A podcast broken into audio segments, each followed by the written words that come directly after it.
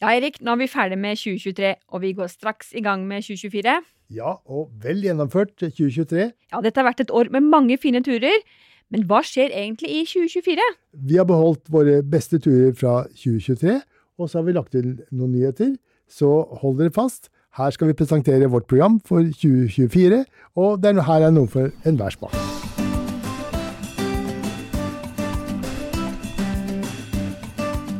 Velkommen til Merlot Reisers program 2024.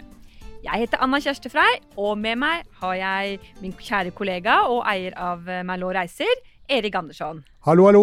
Hallo, Erik. Vi skal forsøke å ta deg gjennom alle sykkel- og vandreturene som Merlot Reiser tilbyr i 2024. Og vi har jo holdt på siden 1995 og tilbudt Europa på sykkel og til fots. Og nå går vi faktisk inn i vårt 30. år som reisearrangør. Ja, Det er litt skremmende. Det finnes jo ingen bedre måte å utforske et land på. Du får med deg lukter, lyder og hele stemningen på en veldig nær måte. Og kommer du syklende eller gående inn i en landsby, er du alltid velkommen. Ja, alle våre turer har bestilt hoteller med frokost, bagasjetransport, veibeskrivelse og sykkel. Hvis det er en sykkeltur. Vi selger ikke flybilletter, men Anna Kjersti og hennes kollegaer gir deg gjerne råd om hvordan du skal komme deg til første hotellet fra din hjemplass, enten det er med fly eller noe annet.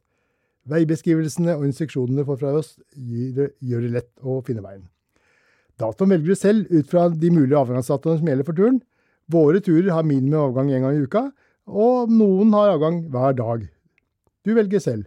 Du velger også selv hvem du ønsker å reise sammen med, enten det er kjæresten din, eller naboen, eller kollegaen på jobben, eller vennegjengen, eller mora di.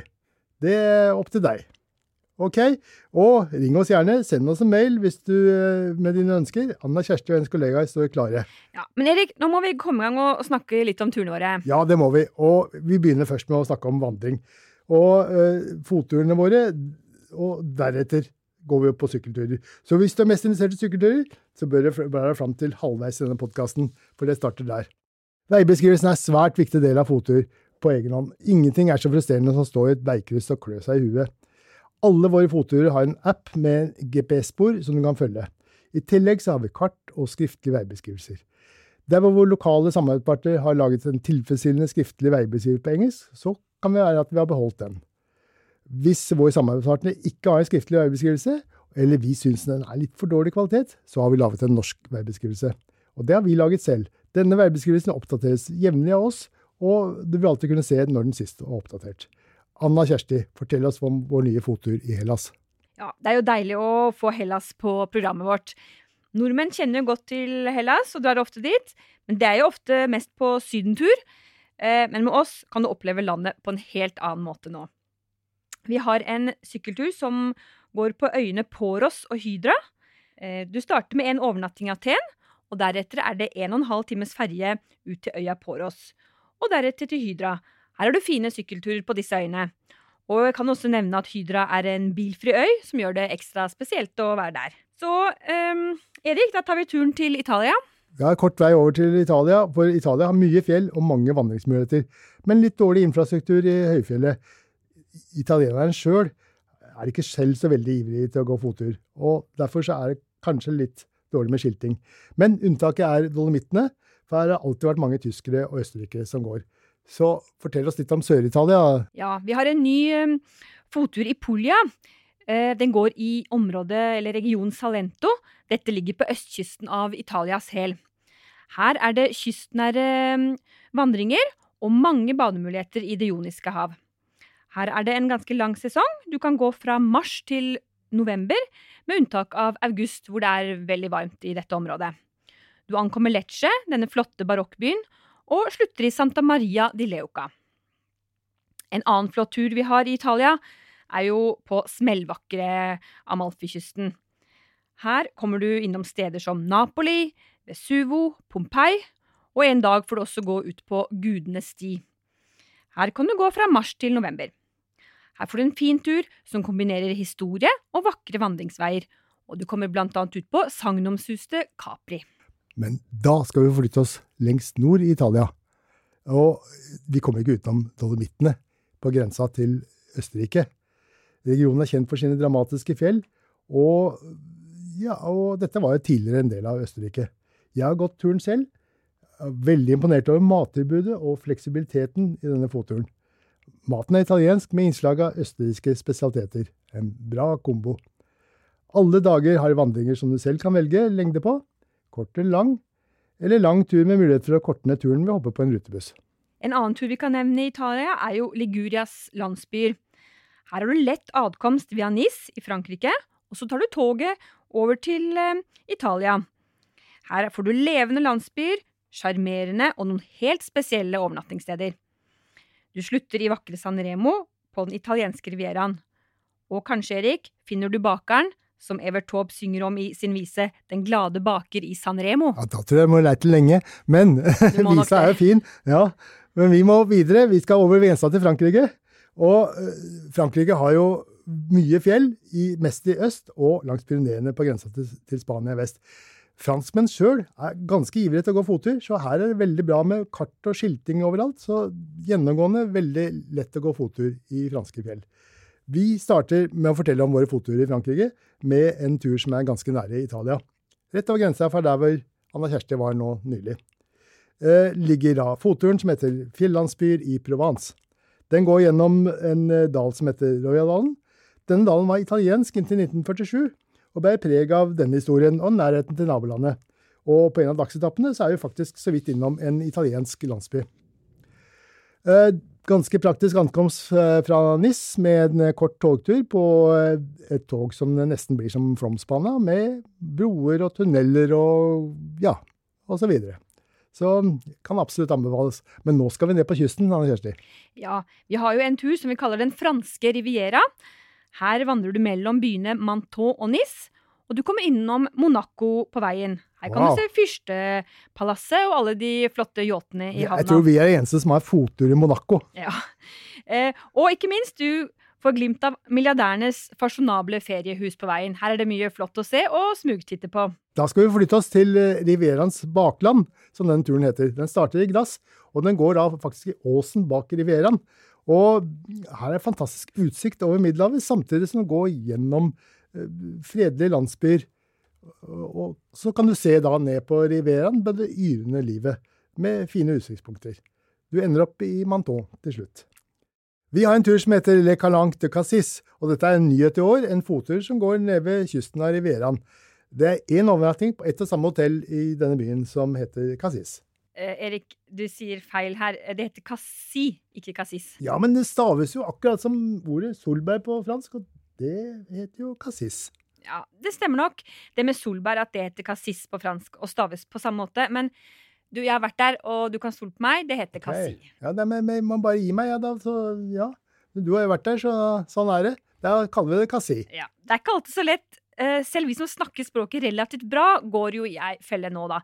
Jeg kan forsikre deg om at vi hjelper alle kunder til rett tur, selv de som i lykkelig uvitenhet uttaler geografiske navn feil, og det hender rett som det er. Ja, det kan vi alle gjøre. Og, men du har jo vært der. Hvilket inntrykk har du av turen? Nei, jeg må jo si dette her er et helt unikt område. Du vandrer jo i naturparken Le Calanque mellom Marseille og Cassis. Her er det stupbratte kalksteinsklipper, asurblått hav og spektakulære utsiktspunkter. Og Cassis er en yndig liten by. Her er det mange restauranter, shoppingmuligheter og en bystrand. Så her er det, ligger til rette for all mulig slags kos. Du er ikke nødt til å gå hele hver dag, altså. Nei da, du kan Nei. ha noen hviledager om du ønsker det. Eh, en annen eh, tur eh, her i området er det vi kaller for øyvandring Côte d'Azur. Eh, den er- ligger litt øst på Rivieraen. Um, her, dette er en kort vandretur langs kysten med overnatting i Lulavando, hvor du bor fast. Vandringen på øyene ut til Ile de Poquerolles og Ile de Pocro er nydelige. Dette er lettgåtte turer med korte dagsetapper, og du får mye tid til kos og bading her også. Så fra havet opp i fjellene, Erik. Nå skal vi til ordentlig fjell. Vi har nemlig en, en fottur hatt i alle år som heter Mont Blanc rundt. Og alle har hørt om Mont Blanc. Vest-Europas høyeste fjelltopp ligger her. Men dette er et fjellmassiv med mange topper på 4000 meter. Denne turen går rundt fjellmassivet, slik at vi får sett det fra alle vinkler. Velgåtte stier og dramatiske fjell i tre land Frankrike, Italia og Sveits. Det er en spesiell følelse når du går i høyfjellet i Sentral-Europa. På de høyeste punktene av turen får du riktig følelse av, villmark, men så kommer du ned i dalen, og da er du plutselig i en landsby i Frankrike, Sveits eller Italia. Den turen kan gås fra 15. juni til 15. september, så det er en ganske kort sommersesong. Men her er det snø resten av året, så det lar seg ikke gjøre andre tider. Vi har også en gruppetur som går her, og den går 4. juli, hvis dere ønsker å gå med en turleder. En annen tur som vi har i samme område, heter Annecy og de franske alper. Dette er en fransk alpetur med litt færre folk i området, og ikke høy, fullt så høye fjell som Mont Blanc, men litt mer stille og fredelig og litt mer harmonisk. Mye god fjellkost, mange kuer, og turen ender opp i byen Annecy, som ligger ved Annecy-sjøen. Dette skal være Frankrikes mest populære by å bo i for franskmenn, på viser statistikken. Men nå Anna Kjersti, skal vi på pilegrimsvandring. Ja, Pilegrimsvandring har jo blitt veldig populært. Eh, vi har en tur som går fra Le Puy og til Pyreneene. Pyreneene er jo fjellkjeden som deler Frankrike og Spania. Her har vi seks deler, hvor du kan gå én uke på hver. Og du kan gå fra april til oktober. Og på denne turen kan du nyte fjellplatåer, nydelig landsbygd og flotte pilegrimsbyer. Denne strekningen kalles Via Podensis, og den leder over til Camino Frances på den spanske siden. Den skal vi snakke litt mer om senere. Eh, men jeg vil gjerne nevne en annen nyhet som vi har i Frankrike i år. Det er Sevennene i Stevensens fotspor. Dette er en tur på to ukesdeler, og hele turen kan du ta på 14 dager. Vi har valgt å kalle dette en litterær tur, fordi dette var forfatter Robert Louis Stevenson som gikk i 1878 med eselet sitt Modestin. Og det var i området Sevenne i Frankrike, og her skildrer han landskap og opplevelser som han hadde her. Forfatteren ble nok senere mer berømt for bøkene Skatten på sjørøverøya og Dr. Jekyll and Mr. Hyde, men boka På vandring med esel i Sevenne ble oversatt til norsk av Alexander Leborg, han ble så fascinert av historien at han gikk turen selv og skrev boka På vandring uten esel i Sevennene. Så hvis du blir nysgjerrig på dette her, så kan du finne begge bøkene tilgjengelig både fysisk og som e-bøker. Ok, så da kan du først lese bok, og så gå tur. Ja, men Absolutt. det høres bra ut. Ja, ja, ja. Da skal vi videre til en tur som heter Kyst og fjell i Catalonia. Og dette er en tur som starter i Collioure i Frankrike og ender opp i Cadaqués i Spania. Så her får vi overgangen til nabolandet Spania. Ja, Spania har jo vært en populær destinasjon for eh, nordmenn i årevis. Spania byr, jo på vakker natur og kystvandringer med mange bademuligheter. Eh, vi kan nevne Costa Brava-turen vår. Dette er en femdagerstur som du kan gå fra april til oktober. Og her er det ti kilometer vandring per dag, omtrentlig. Og et stalltips her, send ikke badedrakten med bagasjetransporten, for den får du bruk for hver dag på denne turen. Og vi kan komme oss litt lenger opp i fjellene, i fjellkjeden Sierra Nevada. Her har vi en flott tur. Du kan gå helt fra februar til november. Har du lyst på å ta toppturen til fastlandsspanias høyeste topp, Mulacén, som ligger 3478 meter over havet, så må du gå i perioden juni til september. Dette er en del av denne turen? Det er en del av denne turen, ja. Da får du litt høyfjell også.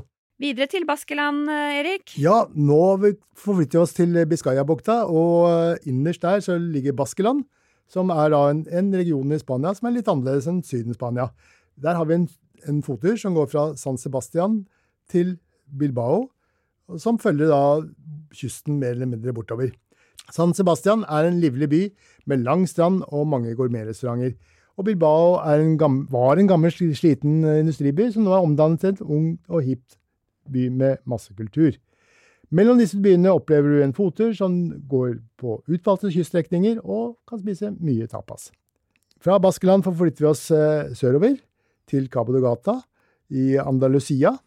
Og her har vi en tur som er på syv dager og kan gås hele året, med unntak av juli-august, for da er det vel sannsynligvis litt for varmt her, i, her i sørlige delen av Spania.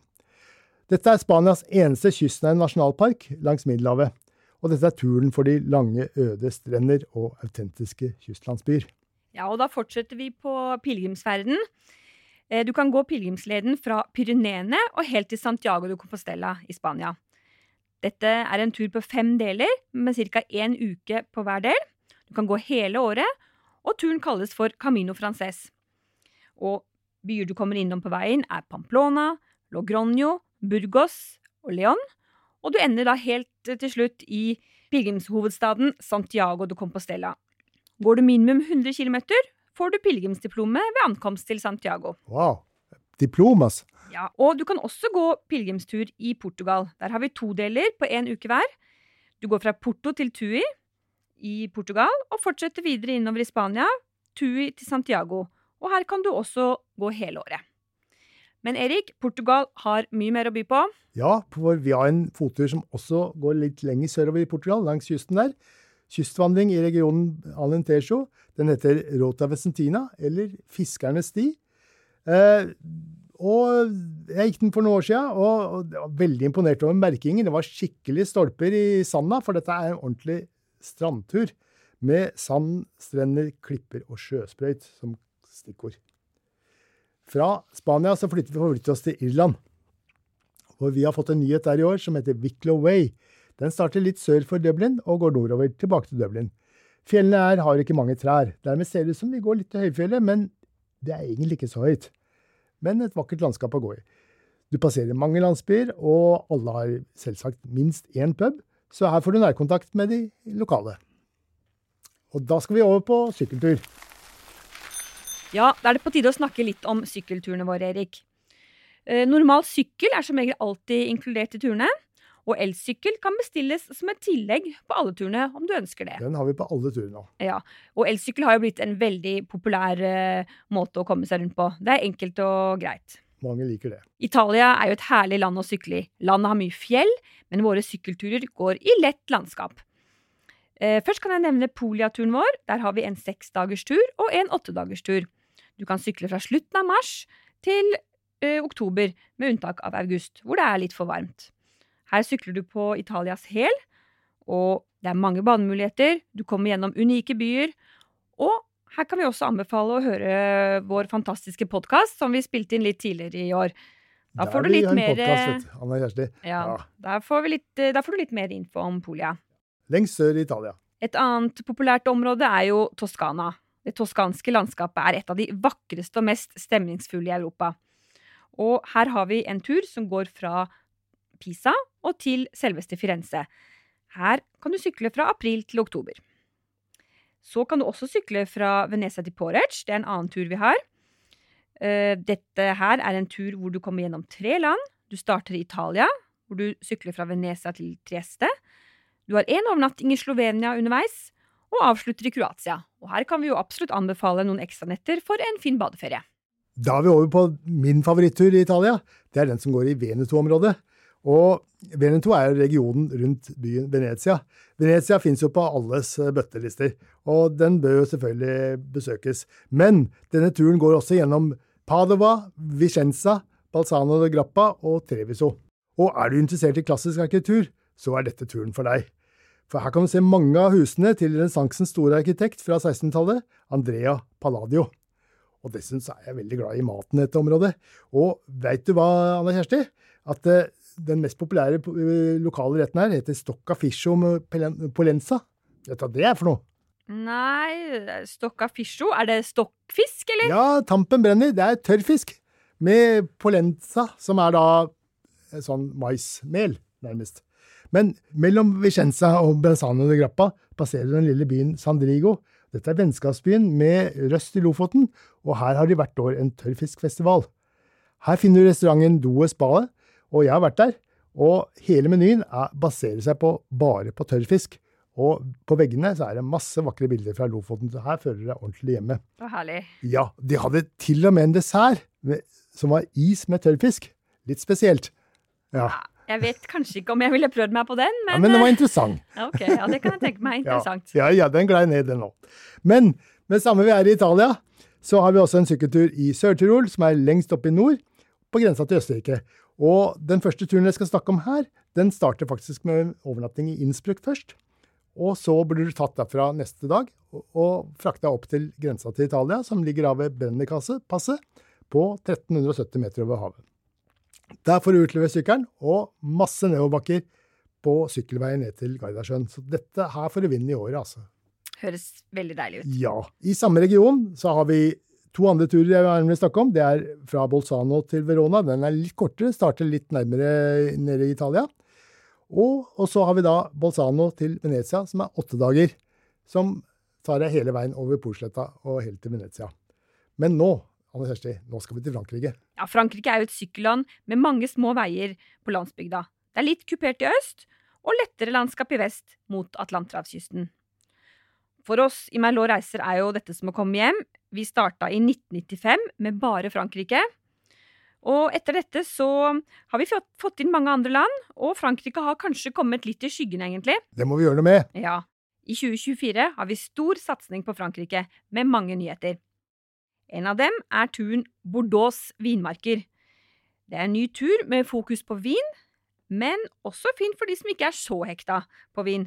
Fordi her kan du oppleve velholdte slott, nydelig landskap, og du ender opp i den staselige byen Bordeaux, med flotte bygninger og veldig mye å oppleve her.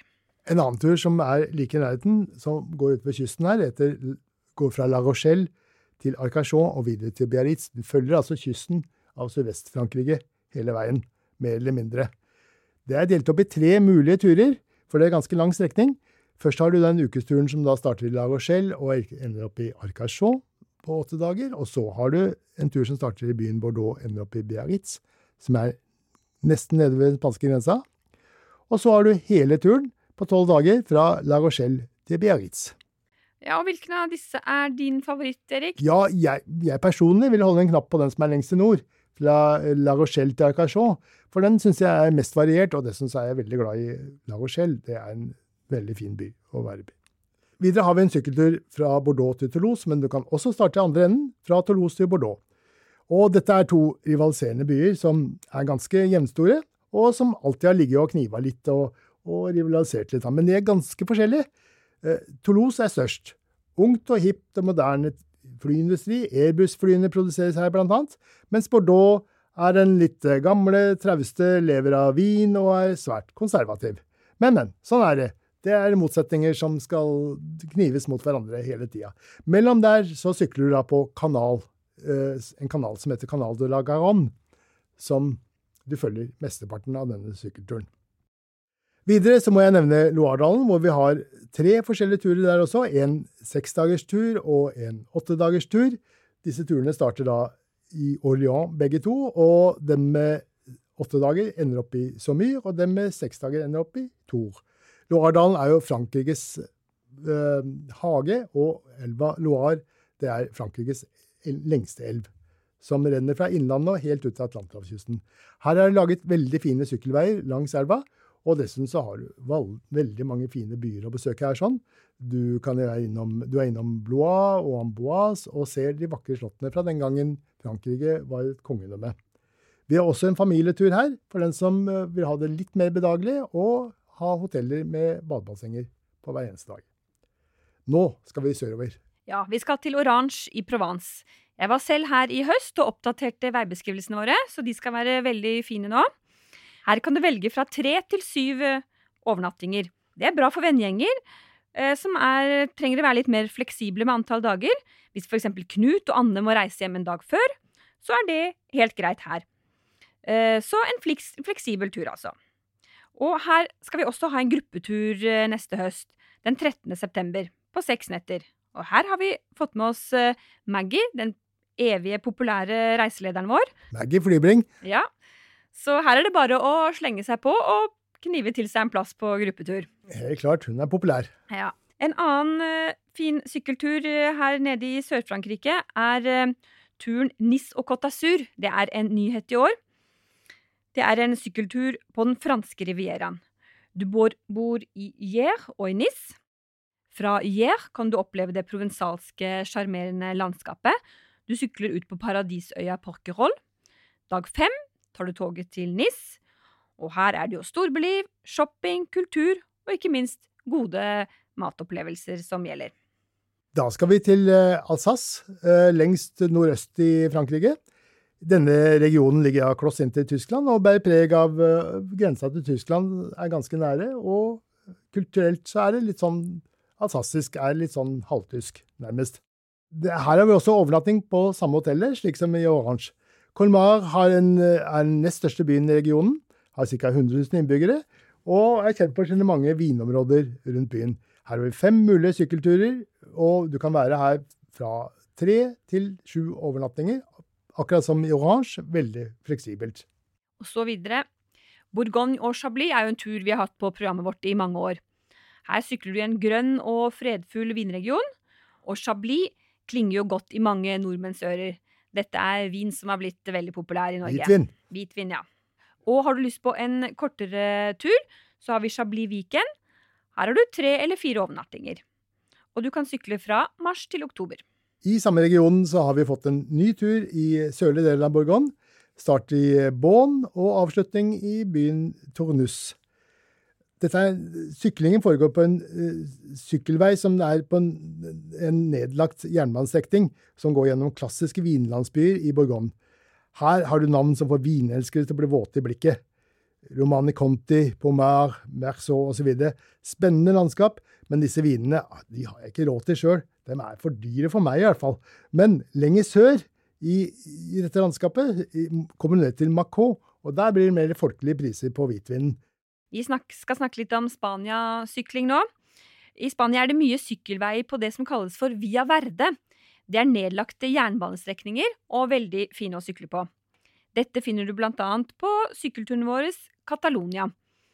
Her kan vi annet eh, nevne at du kommer innom Girona, som har mange gode gourmetrestauranter. Utenfor byen finner du El Celar de Conroca. Det er en restaurant som har blitt rangert som en av verdens beste restauranter i mange år på rad.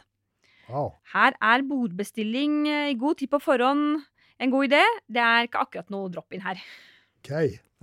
på turen Alicante-Valencia kan du også sykle på disse sykkelveiene via Verde. Her kommer du til baklandet av Alicante og Costa Blanca. Dette er spennende landsbyer og gamle, tradisjonelle småbyer, ofte med en borg tronende over bykjernen. Og du avslutter i Valencia, som er et fyrverkeri av en by. Og til Alicante kan man jo fly fra sju flyplasser i Norge direkte, så her er det veldig lett å komme til. Vi må ikke glemme Portugal. Litt mindre enn Spania, men her har vi to sykkelturer langs kysten, og de går faktisk hele året. Først skal jeg snakke om Algarvekysten. For der har vi en, en tur som starter i Sagres, lengst i sørvest i Portugal, og avsluttes i Tavira i øst og følger kysten hele veien bortover, nesten på grensa til Spania. Her finnes det også en kortversjon på fire-fem dager, og den går også hele året. Og et år hadde vi faktisk en kunde som var så fornøyd med denne turen at han gjennomførte to turer samme, to ganger på samme år. Da var vi fornøyde, da. Så lenger nord fra, i Portugal har vi en tur som går fra Porto til Coimbra i Nord-Portugal. Den følger også kysten. Og har du hørt om uh, Coimbra? Nei, ja. Eh, har ikke det, Erik? Fortell meg om den. Ja, Det er Portugals femte største by. Hæ? Og her finner du faktisk Portugals eldste universitet. Interessant. Du, da skal vi sykle litt eh, nordover. Uh, vi kommer til England og til området Suffolk. Hit kommer du med en kort togtur fra London og ut til østsiden av England med sykling langs kysten av Nordsjøen. Dette er en tur for deg som er fristet av den engelske landsbygda og en pint på puben. Og kombiner gjerne med et opphold i den pulserende metropolen London. Ja, for den er ikke langt unna. Nei. Kort togtur. Videre sykler vi i Tyskland. Tyskland har jo mange fine sykkelveier langs elvene. Mange av disse var tidligere slepeveier, hvor hester dro prammer.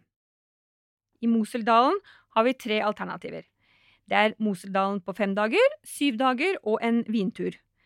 Her sykler du i lettsyklet terreng, følger elven Mosel. Her er det grønt, frodig, romantisk og mye god vin. Det er Riesling hvitvin som gjelder her. På vinturen får du vinsmakinger, overnattinger på bl.a. vingårder og vinhotell. Og da forflytter vi oss til lengst sør i Tyskland. Vi har en tur som går rundt eh, sjøen som heter Bodensee, eller Bodensjøen vil vi kanskje si på norsk. Her finnes det også flere varianter. Vi har en sjudagerstur og en seksdagerstur, og dessuten en familietur med eh, hoteller basert på svømmebassenger hele veien, og litt kortere dager. Bodensjøen er altså en innsjø på størrelse med Mjøsa.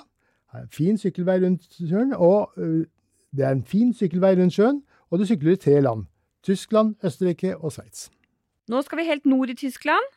Her har vi turen Hansabyer langs Østersjøen. Her sykler du fra Lübeck til Stralsund. Eh, dette er en sykkelvei med en litt mørk historie. Sykkelveien går langs kysten på det som tidligere var DDRs patruljevei for soldater. De skulle passe på at folk fra Øst-Tyskland ikke skulle stikke av gårde i båt. Det er nå en fin sykkelvei her, og det er mange bademuligheter underveis. Da skal vi til Østerrike, og der har vi en sykkeltur som går langs eh, Donau. Dette er et av Europas mest populære sykkelruter på det som i gamle dager var en slepevei for hester som dro prammer på Donau. Turen starter i Passau og ender opp i Wien. Passau er en by i Tyskland. Straks over grensa eh, kommer du inn i Østerrike. Og på denne turen så passerer du da Østerrikes eh, tredje største by, Linz, vinområdet Warschau og du ender opp i Wien, som er en by som absolutt fortjener å bli noen dager ekstra. Wien er Sentral-Europas mest pulserende kulturhovedstad, etter min mening. Vi har også en, en, tur med båt og sykling langs Donau. Båt og sykling er det at du bor på en elvebåt med en komfortabel eh, lugar, og hver dag blir du satt av på et sted hvor du starter syklingen, og så møter du båten igjen ved avslutningen av sykkelturen den dagen. Denne turen med båt og sykkel langs Donau starter i Passau, Båten går til Budapest og tilbake, og hver dag får du da en, en utvalgt eh, sykkelstrekning. Det er tolv avganger på denne, og første avgang, mulige avgang er 3. mai. Vi har også en båt- og sykkeltur i Nederland, men den kommer vi tilbake til. Vi fortsetter med sykling i Ungarn. Her er vi en tur i lett terreng rundt innsjøen Balaton.